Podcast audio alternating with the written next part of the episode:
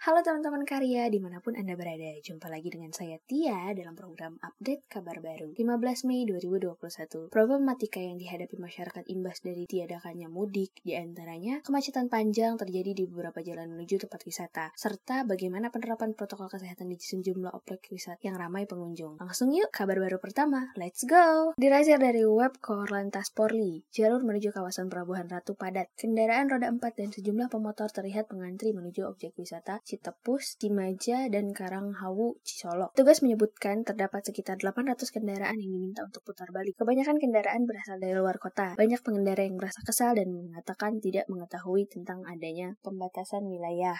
Saya dari Cianjur mau ke Sukabumi, mau liburan ke pantai Citepus. Ya biasa ini sama keluarga. Aduh, kesel banget saya. Kan saya bukan mau mudik, mau liburan. Selain itu, banyaknya masyarakat yang memenuhi tempat wisata lokal akibat adanya larangan mudik dan pembatasan wilayah mengakibatkan kelonggaran penerapan protokol COVID-19. Salah satu yang dapat dijumpai di kawasan Bekasi Selatan, kolam renang Galaksi Tirtamas. Bahkan hingga sore hari masih nampak pengunjung yang memadati kawasan tersebut. Selain itu, penerapan protokol kesehatan kurang diperhatikan oleh pengelola. Beberapa petugas dan pengunjung terlihat tidak menggunakan masker dan bergerombol. Sekian update kabar terbaru hari ini. Terima kasih dan sampai jumpa minggu depan.